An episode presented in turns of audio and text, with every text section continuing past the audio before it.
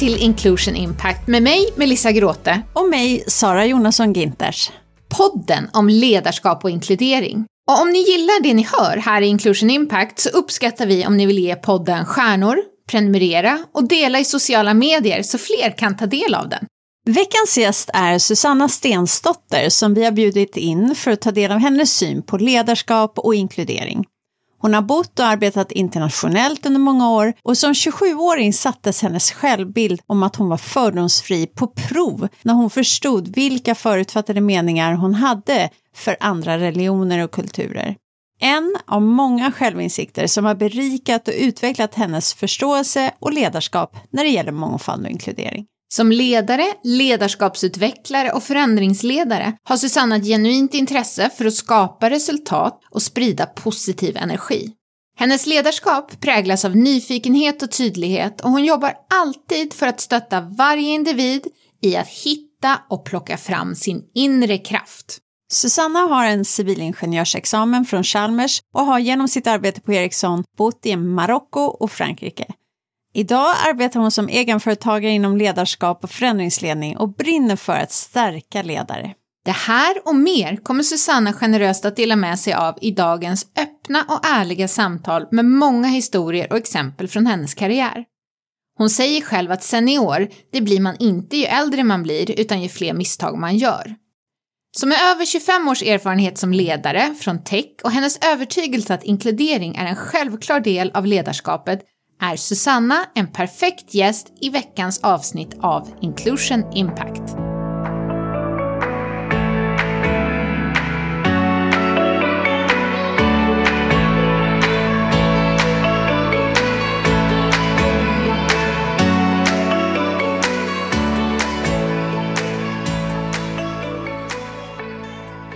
Hej Susanna och välkommen till Inclusion Impact. Tack! Vad kul att eh, du är med oss här idag. Det är roligt att vara här. Och hur känns det att vara här i, med oss i, i podden idag? Det är jättespännande och det är alltid lite nervöst att bli intervjuad. Så lite nervigt, spännande. Mm. Lite kul. Jag är lite stolt att jag får vara med. Ja, och som sagt, vi är jätteglada att, att ha med dig här. Skulle du kunna börja med att berätta lite hur du har hamnat där du är idag? Ja, lite kortare version kanske, för den är lite lång. jag är väg och vatteningenjör från Chalmers. Många, många år sedan. Jobbade inom bygg som projektledare på konsultföretag. Och sen ringde Ericsson och så hoppade jag över dit och där stannade jag i 20 år. Där jobbade jag som chef och ledare hemma, utomlands, men alltid med internationella marknaden. Mm.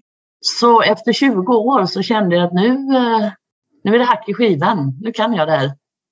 Vilket jag såklart inte kan. Det lät ju väldigt svulstigt. Men eh, nu, jag tror ni förstår vad jag menar. Ja. Då hoppade jag av. Då fick man möjlighet att hoppa av. Och eh, då räckte jag upp handen. Och så hoppade jag av och så satte jag mig ner i tre månader och funderade på vem jag var och vem jag var professionellt och vad jag ville pyssla med och försökte hitta en röd tråd i ett rätt långt CV. Och det var en underbart spännande process. Och då såg jag att den röda tråden handlar om ledarskap och förändring. Mm. Mina drivkrafter var frihet och självständighet. Så det slutade med att jag ska starta eget företag med fokus på ledarskap och förändring. Och göra sådant som skapar resultat, för jag är väldigt resultatorienterad. Då hamnade jag där jag är idag. Så idag coachar jag chefer, ledningsgrupper, håller inspirationsföreläsningar, utbildningar inom ledarskap och förändring. Och känner mm. frihet och självständighet. Det är underbart. Det är jättehäftigt att höra. Det du kom fram till att du ville göra, det, det är det du gör då, idag, låter det som. Det, det tog tre månader. Men det gör väl det efter så många år som anställd och när man inte har tänkt så himla mycket under resans gång. Ja. Så det var intensivt arbete. Ja, jag lever det verkligen och det är jättekul. Och det är roligt att få vara på andra... Jag brukar säga att jag har hoppat över staketet. Det är roligt att få vara på andra sidan och utveckla. Hjälpa andra att utveckla. Ja. Jättekul. Verkligen. Och jag tror både Melissa och jag kan ju känna igen oss i det också. Vi har lite liknande resor mm. också som du har. Så att, eh, ja, det, är, det är en förmån och en ynnest att kunna, eller att göra det där hoppet. I den här podden så har vi alltid ett par eh, uppvärmningsfrågor. Nu har vi börjat värma upp lite grann, men vi ska värma upp lite mer. Är du, är du redo? Jag är redo. När har du som mest kul på jobbet? Det är när jag får vara med och utveckla människor eller utveckla tillsammans med människor. Och att utvecklingen når ett resultat. Då mm. trivs jag. Utveckling och resultat, det hördes i rösten där att du ja. trivs med det. Ja. Härligt. Förutom att du är här nu med oss, vad har du eh, haft för höjdpunkt den här veckan? Den här veckan, eh, nej men höjdpunkten var nog igår när jag var lärare på första dagen på en coachutbildning och fick se helt färska, ja de är inte coachade nu, men deras allra första dag och se hur roligt de tyckte det var. Åh, det var kul. Mm. Därav ditt härliga namn i, nu spelar vi in i Zoom så man ser ditt härliga namn Susanna Lärare. Ja, det jag kan... Nej, det behöver du inte göra. jag tycker det är jättefint att höra varför. Och så kör vi en sista uppvärmningsfråga. Om du fick möjlighet att lära dig vad som helst, vad skulle du vara intresserad att lära dig mer om? Teater. Åh, berätta lite mer. Jag vill egentligen bli skådespelare, men i min familj blev man inte riktigt det. Så det där var någonting jag höll för mig själv. Och sen så hade jag sådana drömmar som alla andra har. Jag vet inte, lärare, läkare, vad man nu vill bli. Och så när jag var 18 så kom jag på att jag bestämmer själv. Så jag satt med den gula ansökningsblanketten till, till scenskolan och vågade inte söka för att jag var rädd för nej, så att de skulle trampa sönder min dröm. Så svängde jag 180 grader och tänkte jag blir väg och vatteningenjör, för det är inte min dröm. Så det är ingen som kan krasa sönder. Oh. Den här drömmen har legat där och skvalpat väl undanskymd. Men så kom jag med i en pjäs, en Gardellpjäs förra året och blev mm. regisserad och fick tillsammans med erfarna skådespelare göra en underbar roll. Och göra, vi hann göra föreställningar innan andra vågen kom. Åh! Men vad häftigt! Finns den att se någonstans eller den kanske inte? Jo, det gör den. Den finns på Youtube. Människor i solen med Ormteatern. Nej men gud vad häftigt. Och det här vill jag lära mig mer om. Mm.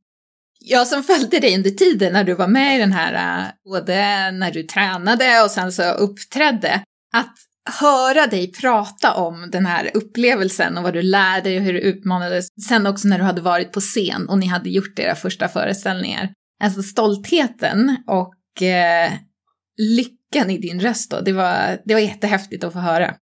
Ja, och det, mm. jag kände det verkligen. Och jag, mm. jag har alltid sagt med väldigt begränsad erfarenhet, men jag fick det bekräftat nu att skådespeleri, alltså att vara på scen tillsammans med några, det är den ultimata gruppträningen. Därför att man är totalt beroende av varandra. Ja.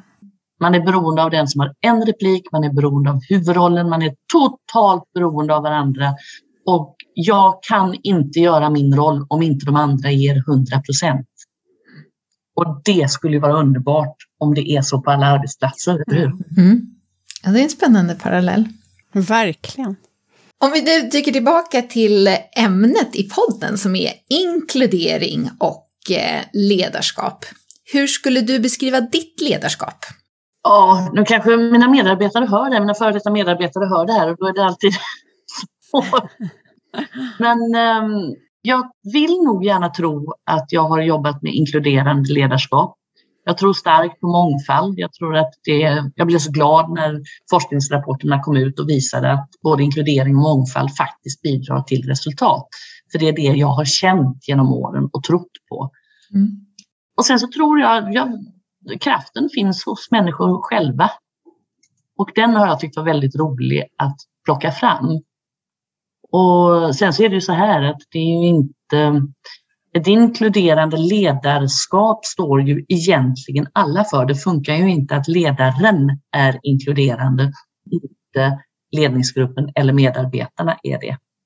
Mm. Nu har ledaren ett, ett, viktigt ansvar att hålla i fanan, hålla fanan högt, men ibland så kan jag tycka att man får vara lite försiktig med att prata inkluderande ledarskap därför att det blir väldigt ensamt och nästan till omöjligt. Inkludering och även mångfald ansvarar alla för. Mm. Och det, det, är väl det som håller mig framme som företagare också. Jag är full av positiv energi och det tror jag att många har känt som har jobbat med mig. Men jag är också tydlig och eh, det ska bli resultat och jag har inga problem att ta svåra samtal. Mm. Så jag hör liksom resultat och utveckling, att se medarbetarna, att lyfta dem och se kraften hos dem och din positivitet som låter som de kännetecken eh, som du har för ditt ledarskap. Om, om du ser tillbaka över tid och liksom från början av din karriär fram till idag, hur skulle du säga att ditt ledarskap har utvecklats? Hur har du blivit den ledare med de här kännetecknen som du beskriver? Jag har nog, och kanske gäller det de flesta, men jag har nog blivit tryggare och tryggare i mig själv. Mm. Och jag blev nog, nu har jag ju återgått till litteratur, men jag litade mer och mer på mig själv och såklart tog till mig kunskaper. Och jag har aldrig varit rädd för coaching och terapi och, och sånt där som ledare. Jag tror det är jätteviktigt. Jag har blivit tryggare och tryggare i mig själv samtidigt som jag har fått större och större insikt att jag måste utvecklas inuti. Inte bara som ledare utåt, utan jag måste utvecklas som person. Mm. Den resan har jag nog gjort tror jag.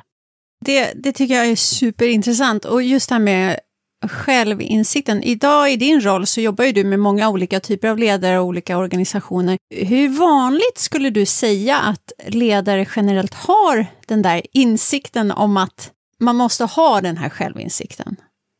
Det är någonting man inser omedvetet. Men när man lyfter det och medvetande gör det, jag uppfattar det som att det blir en väldigt skön aha-upplevelse för många att ja, det är okej okay att, jag jobb, att jag jobbar på min självinsikt. Alla måste jobba på den. Och kunskapen om vad det är, vad självinsikt är för någonting, tror jag är grunden i att utveckla den. Vilket man måste göra. Den filas på, den förstörs och den mals sönder genom åren. Och det är ju någonting man behöver jobba på kontinuerligt och ständigt. Man föds inte med en fantastisk självinsikt. Nej. Det är ofta en av byggstenarna man pratar om i liksom ett gott ledarskap, ju, det här att kunna rannsaka sig själv och sina värderingar, sin, sina, sitt bemötande av andra, sina förhållningssätt och våga liksom också då kritiskt granska sig själv regelbundet. Men det lyfts ju också ofta upp som något som står i vägen för ökad inkludering, att ledare kanske inte har, bär med sig det där i, i sin vardag, så att säga. Nej, och jag tror att med ökad självinsikt så försvinner också fördomar och normativt tänkande. Och, och, jag har själv varit med om det väldigt tydligt när jag upptäckte, första gången i mitt liv jag upptäckte att jag hade fördomar. Och det gjorde jätteont. Jag var 27 år, jag var på ett uppdrag i Algeriet och upptäckte till min fasa att jag hade fördomar om muslimer och araber. Jag var mycket stolt 27-åring att, över att vara fördomsfri. Så när jag möttes av det här och insåg, det är ju när, ibland när fördomarna öppnas för en så man inser att de har dem. Så man inser att man har dem. Och, ehm, och det där gjorde rätt ont faktiskt. Och eh, jag tror att, eh, och nu med, med vad jag vet och kan, så vet jag ju också att med ökad självinsikt så försvinner fördomar allt mer och det normativa tänkandet och då öppnar man upp för inkludering.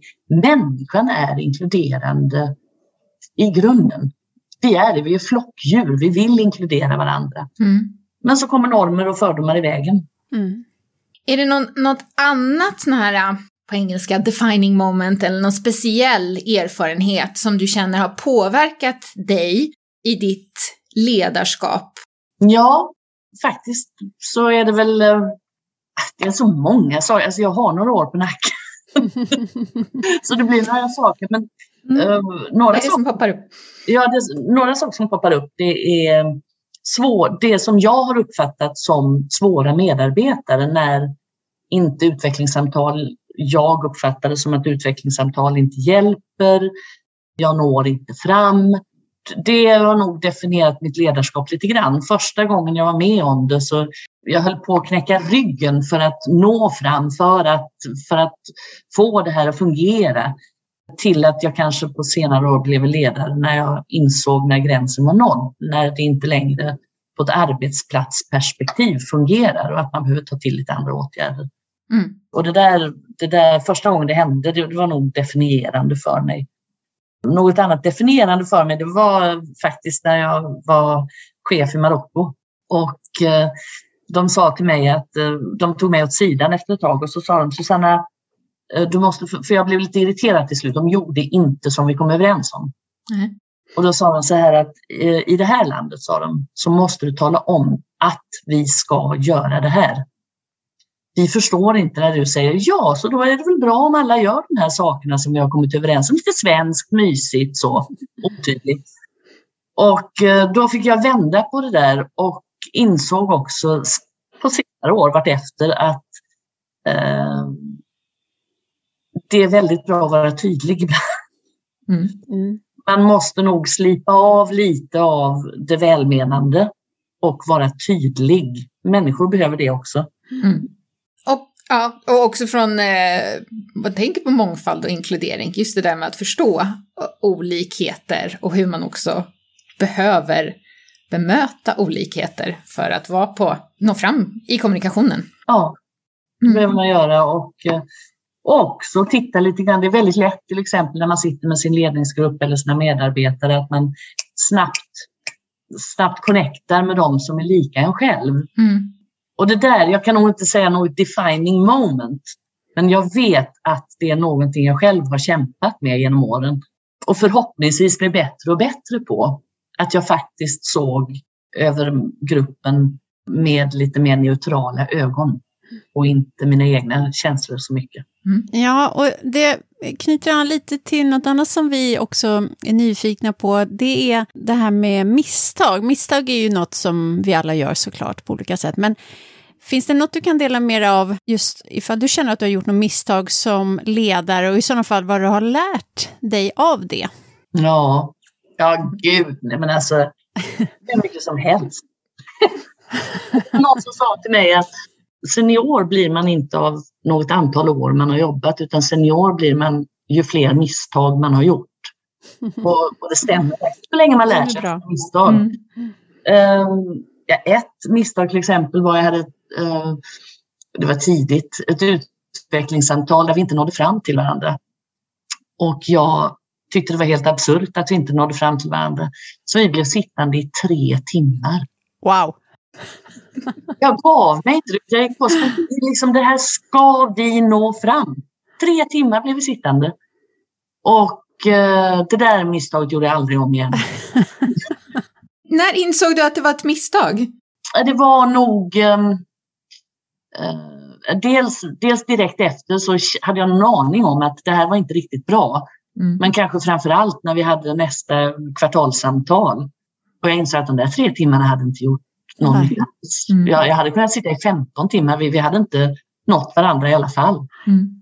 Och där, eh, det har väl lite grann med den här tydligheten att göra också och lite grann att våga sätta gränser. Mm. Det lärde jag mig där. Att Mm. våga sätta gränser. Att, nej, nu når vi inte fram, men här är gränsen för den här arbetsplatsen, för det här uppdraget, för det här vad det nu handlar om. Mm. Så det lärde jag mig nog där, att våga sätta gränser. Jag hade en medarbetare som inte var lojal, som jag eh, försökte låtsas som att det inte hände. Jag tänkte att man blir lojal när man jobbar här och framförallt med mig måste man ju bli jättelojal mot det här. Jag är så positiv och energisk. Men ehm, personen fortsatte vara illojal och det tog jag itu med på tok för sent. Det blev mycket skada skedd av det. Illojalitet ska man ta snabbt och med en gång. Det gjorde inte jag. Mycket av misstag man har gjort är ju sånt där som man, ja, man speglade i andra. Mm. Jag hade en, en grupp um, där jag var så mån om att ge, lämna information. Så att våra möten gick åt till att jag informerade i en halvtimme. För de hade sagt någon gång att vi får aldrig information. Så jag tänkte nu ska vi informera. Och till slut efter tror jag, jag kommer inte ihåg, vi hade kanske möten en gång i veckan. Så var det en som dristade sig till oss och sa så här mycket information vill vi inte ha Susanne. Det är väl inte ditt möte det här. Och så tänkte inte jag att det var mitt möte. Jag tänkte bara att nu ska jag informera, allt det ska vara öppet, transparent. Och eh, det var väl ett misstag jag gjorde att jag eh, jag lyssnade och tolkade för snabbt hur jag skulle Mm. genomföra det istället för att lyssna, ställa följande, följdfrågor såklart. När man pratar om sina misstag nu så låter det ju så banalt och, och självklart. Men eh, ja, så kan man väl säga. Mm. Ja, men och det är ju inte självklart i stunden, så det är ju därför vi gör de där misstagen. Men, men det vi hoppas ju få fram också här, det är just det där, ja men dels att dela med sig av till andra, det kanske finns de som lyssnar som får aha moments nu när du pratar om dina misstag, för att kunna lära sig av det och kanske fundera på hur man agerar själv. Och sen behöver inte misstagen vara stora. Nej. Alltså det är egentligen de små sakerna som man lär sig vartefter. Men när man just gör ett misstag, det är oftast då man kommer ihåg och det sätter sig lite djupare.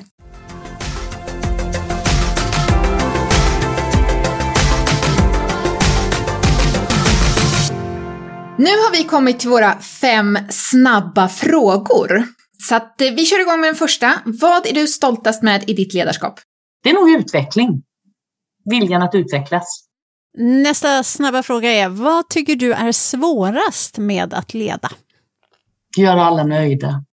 Och vad är det roligaste med att leda? Att göra alla nöjda. Men det roligaste med att leda, det är när man ser en grupp växa och generera resultat. När ett plus ett blir tre och de själva känner det.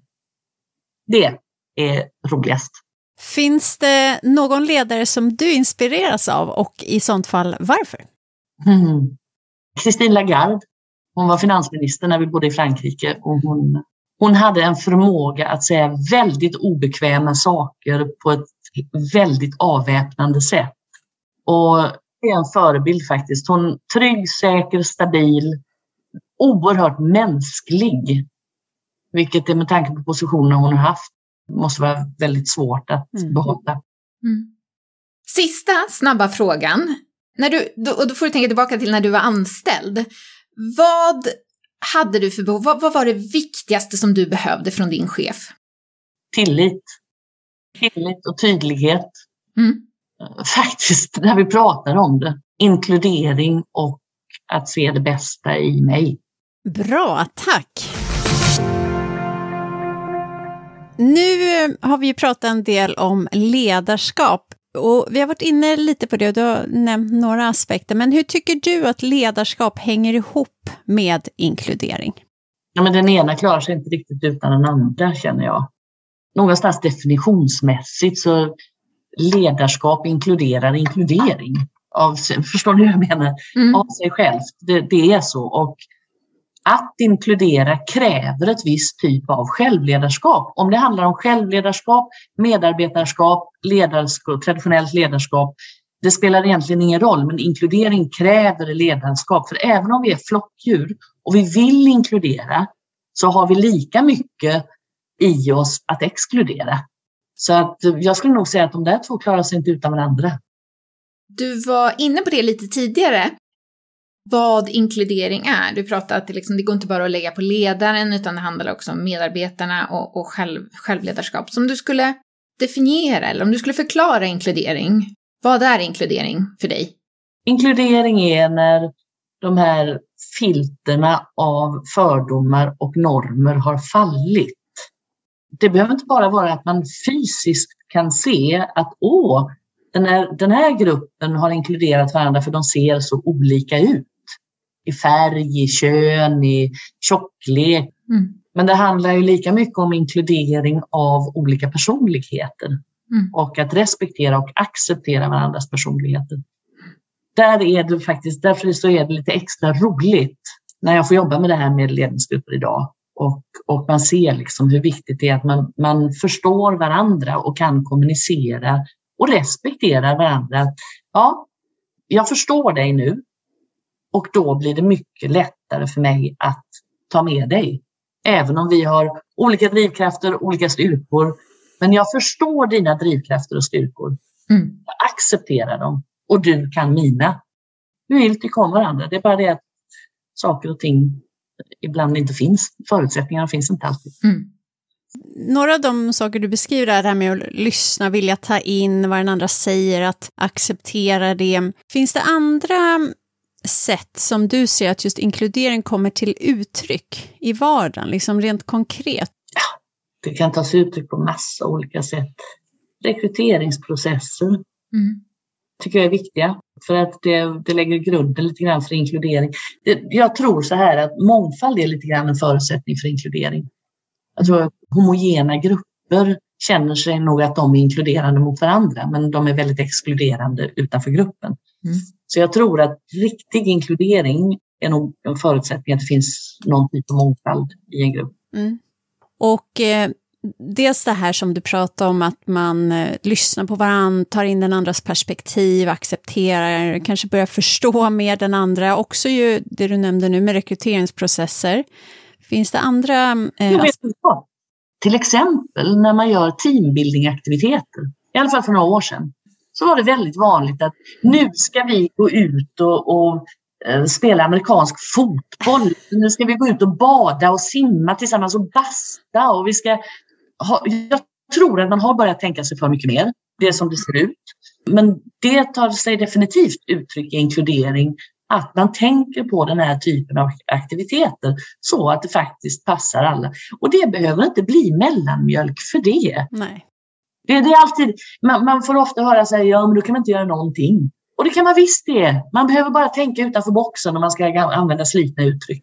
Och där tror jag, om man öppnar upp för det betydligt mer, då, då tror jag att det är lättare för alla att känna sig inkluderade och förstådda också och man kan mötas på någon typ av neutral plattform. Mm. Och jag tror att det där är ett viktigt budskap också, det att vi behöver inte göra det så svårt. Alltså att det gäller att börja jobba med då vad som kan tyckas vara småsaker, men som ju betyder mycket i vardagen, typ teamaktiviteter. Och jag vill bara snabbt dela med mig, jag, när jag jobbade på ett amerikanskt IT-bolag och var väl runt 27 och skulle ha möten med kunder och, och kollegor. Det råkar vara i Finland det var bara män då och alla var ju mer än 30 år äldre än mig. Och då var det ju just bastubad som skulle till efter middagen, men då tackade jag faktiskt eh, nej. Mm. Det var ju också så här, ja, men det var ju ingen stor grej för dem, men för mig blev det ju en stor grej som gjorde att jag inte ville vara delaktig i en sån aktivitet. Ja. Mm. Då kan jag säga att på misstag och det du berättar, så är det en sak jag ångrar mer än något annat, som har lite med inkludering att göra faktiskt jag följde med min chef, var rätt så tidigt i min karriär, jag följde med min chef till ett annat land och det var bara män där. Svensk, de svenskarna som var där eh, skulle gå ut och äta och sen gå på klubb och det visade sig vara en strippklubb. Och att jag inte vände i dörren då, det ångrar jag än idag. Men jag vågade inte därför att då kände jag då kommer jag bli exkluderad. Men det ja. var ju exkludering i sig. Mm. Nu behöver det inte bara vara sånt här med män och kvinnor är Nej. hyfsat duktiga på att exkludera. Absolut. Säga, men på ett lite mer subtilt sätt. Mm. Vilket kan vara mycket svårare att komma åt. Därför att vi pratar så mycket om hur män exkluderar kvinnor, men kvinnor är rätt duktiga på det, men gör det på ett annat subtilt sätt. Mm. Nu har vi pratat lite om hur inkludering kan ta sig uttryck och ledarens roll och olika aspekter av det. Men vad ehm, har du sett för positiva effekter av det här, just till exempel med kommunikationen, när man öppnar upp det, bemötandet, eh, kanske den här ökade medvetenheten i allt ifrån rekrytering till teamaktiviteter och så. Har du exempel på vilka positiva effekter som det har lett till? Jag vet inte vad jag har för exempel väl egentligen... Usch, ni kräver rätt mycket av mitt lilla minne här. Men jag kan säga så här, rent generellt, att glasklart ger ett annat resultat. Det kan jag säga. Det är min definitiva erfarenhet. Och med din erfarenhet och fokus på resultat, det är lite tvistat om man kan mäta inkludering eller inte. Vad skulle du säga? Nej, alltså det är klart att man kan använda medarbetarenkäter, man kan, det finns en massa sådana här gruppskattningar man kan göra. Man kan göra en så här emotionellt kulturindex. Man kan, det, det, finns mängder med saker man kan göra och, och mäta. Och, och, det tror jag är bra och viktigt att göra ibland, mm. så länge man vet varför man mäter. Varför mäter man? Mäter man för att liksom lägga det i skrivbordslådan sen och vara nöjd och glad?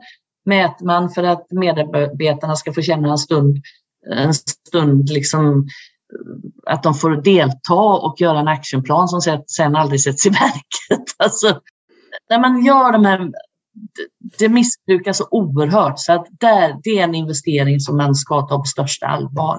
Mm. Men visst går det att mäta. Det gör det på olika sätt. Ett sätt att mäta det är ju att koppla till affärsmål och, och resultat. Vad är din erfarenhet kring det? Ja, min, min erfarenhet som sagt är att det blir bättre. Men mm. det är en magkänsla mer än... Jag, jag, kan, jag, har ju inget, jag kan inte säga hur det hade blivit annars. Eller hur det hade sett ut annars, det kan jag inte. Utan jag tror man får förlita sig på forskningen. Som nu till min stora glädje visar tydligt att mångfald och inkludering, de som jobbar aktivt med det, har ett bättre resultat. När du säger resultat, är det just, eh, du tänker då på verksamhetsresultaten eller vad grupper presterar i fråga om eh, leverans eller så? Ja, det är därför vi går till jobbet. Mm. Det är det som räknas. Mm. Du har ju lång internationell erfarenhet som du varit inne på att du jobbat både i Marocko, sen har du varit i Frankrike där du har jobbat på, inom tech på Ericsson. Mm. Och sen så att du är egenföretagare nu med fokus på ledarskap och förändringsledning. Är det några aspekter, både om du alternativt tänker tillbaka på din karriär inom tech eller med de ledningsgrupper och ledare som du jobbar med idag, där du ser att det finns några aspekter som gör inkludering mer utmanande, svårare eller lättare just inom tech? Ja, det var rätt intressant faktiskt. För jag har haft förmånen att få följa från framförallt ur ett genusperspektiv, men även, även um, ur ett etnicitetsperspektiv. Att följa när det var noll mm. inom tech till att det faktiskt har skett en remarkabel, fantastisk utveckling.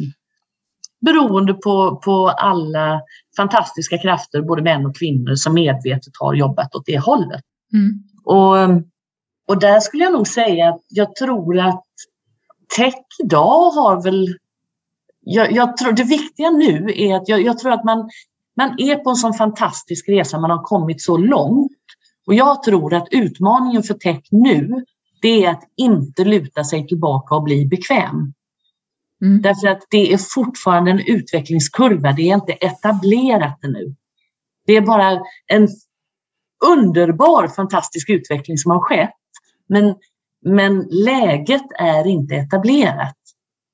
Så att utmaningen tror jag för eh, techbolag, många andra, men definitivt för techbolagen, det är att man lutar sig tillbaka och, säger att ja men titta nu här, vi har 50% kvinnor. Eller titta nu här, vi, vi inkluderar. Eller titta nu här, vi har... Och det är där jag kommer in med skepsis mot mätningar lite grann, att de kan mm. missbrukas.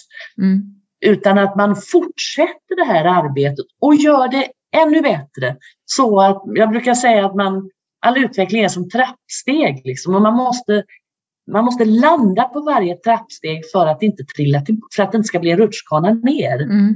Utan man måste se det som en trappa och landa där, fira, känna, nu är vi här, det här släpper vi inte, nu tar vi nästa steg och nu släpper vi inte det.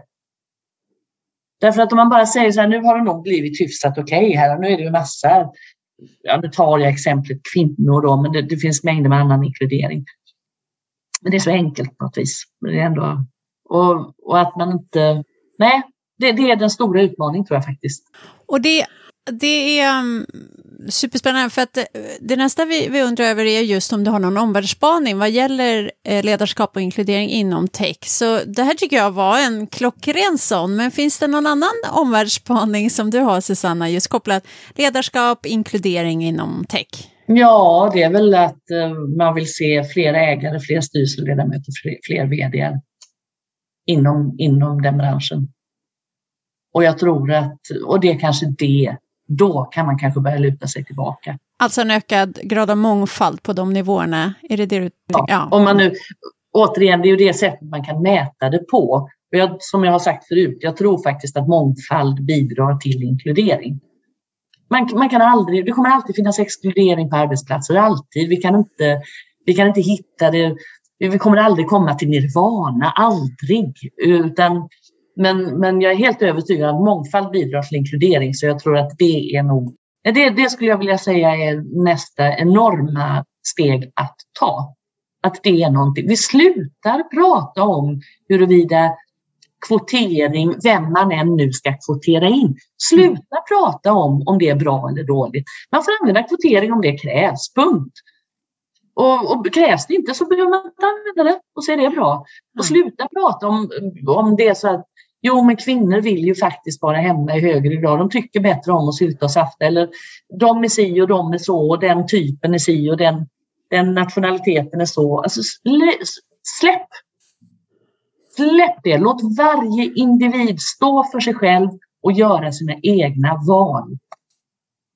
Det, jag vill inte bli behäftad med, med alla andra kvinnor i världen. Jag är helt ointresserad av det. Jag är jag. Jag vill heller inte bli behäftad med alla blonda. Jag vill nej, definitivt inte det.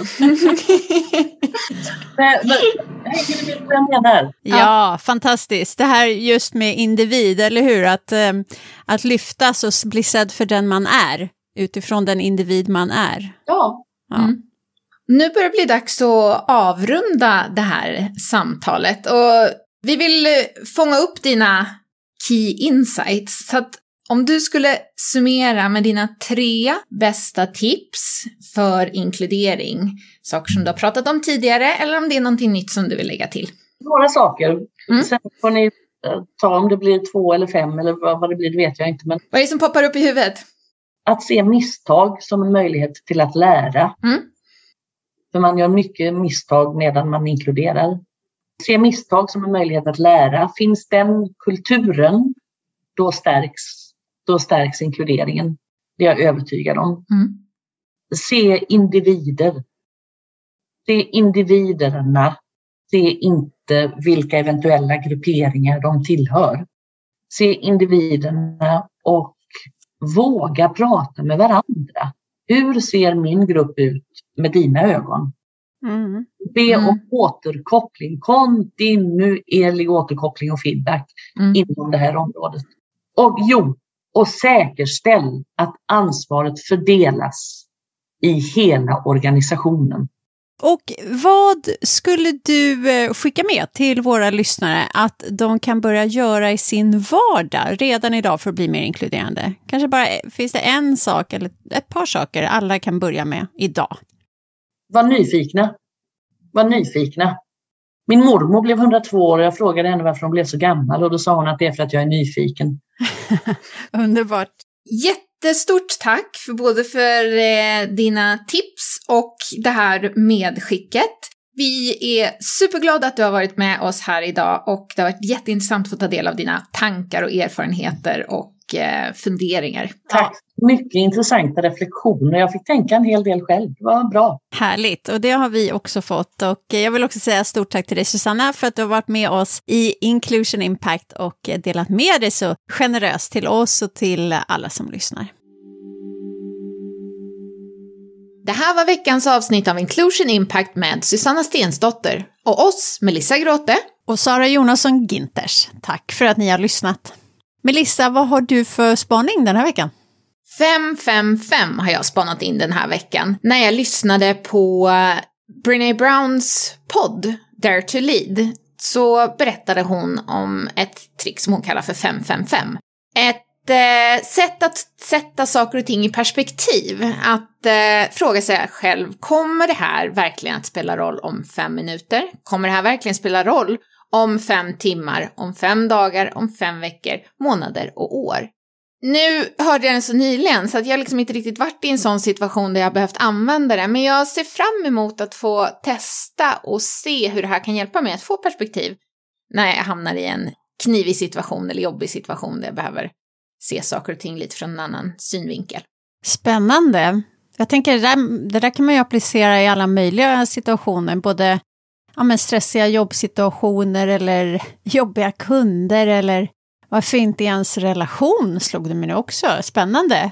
555. Verkligen. 555.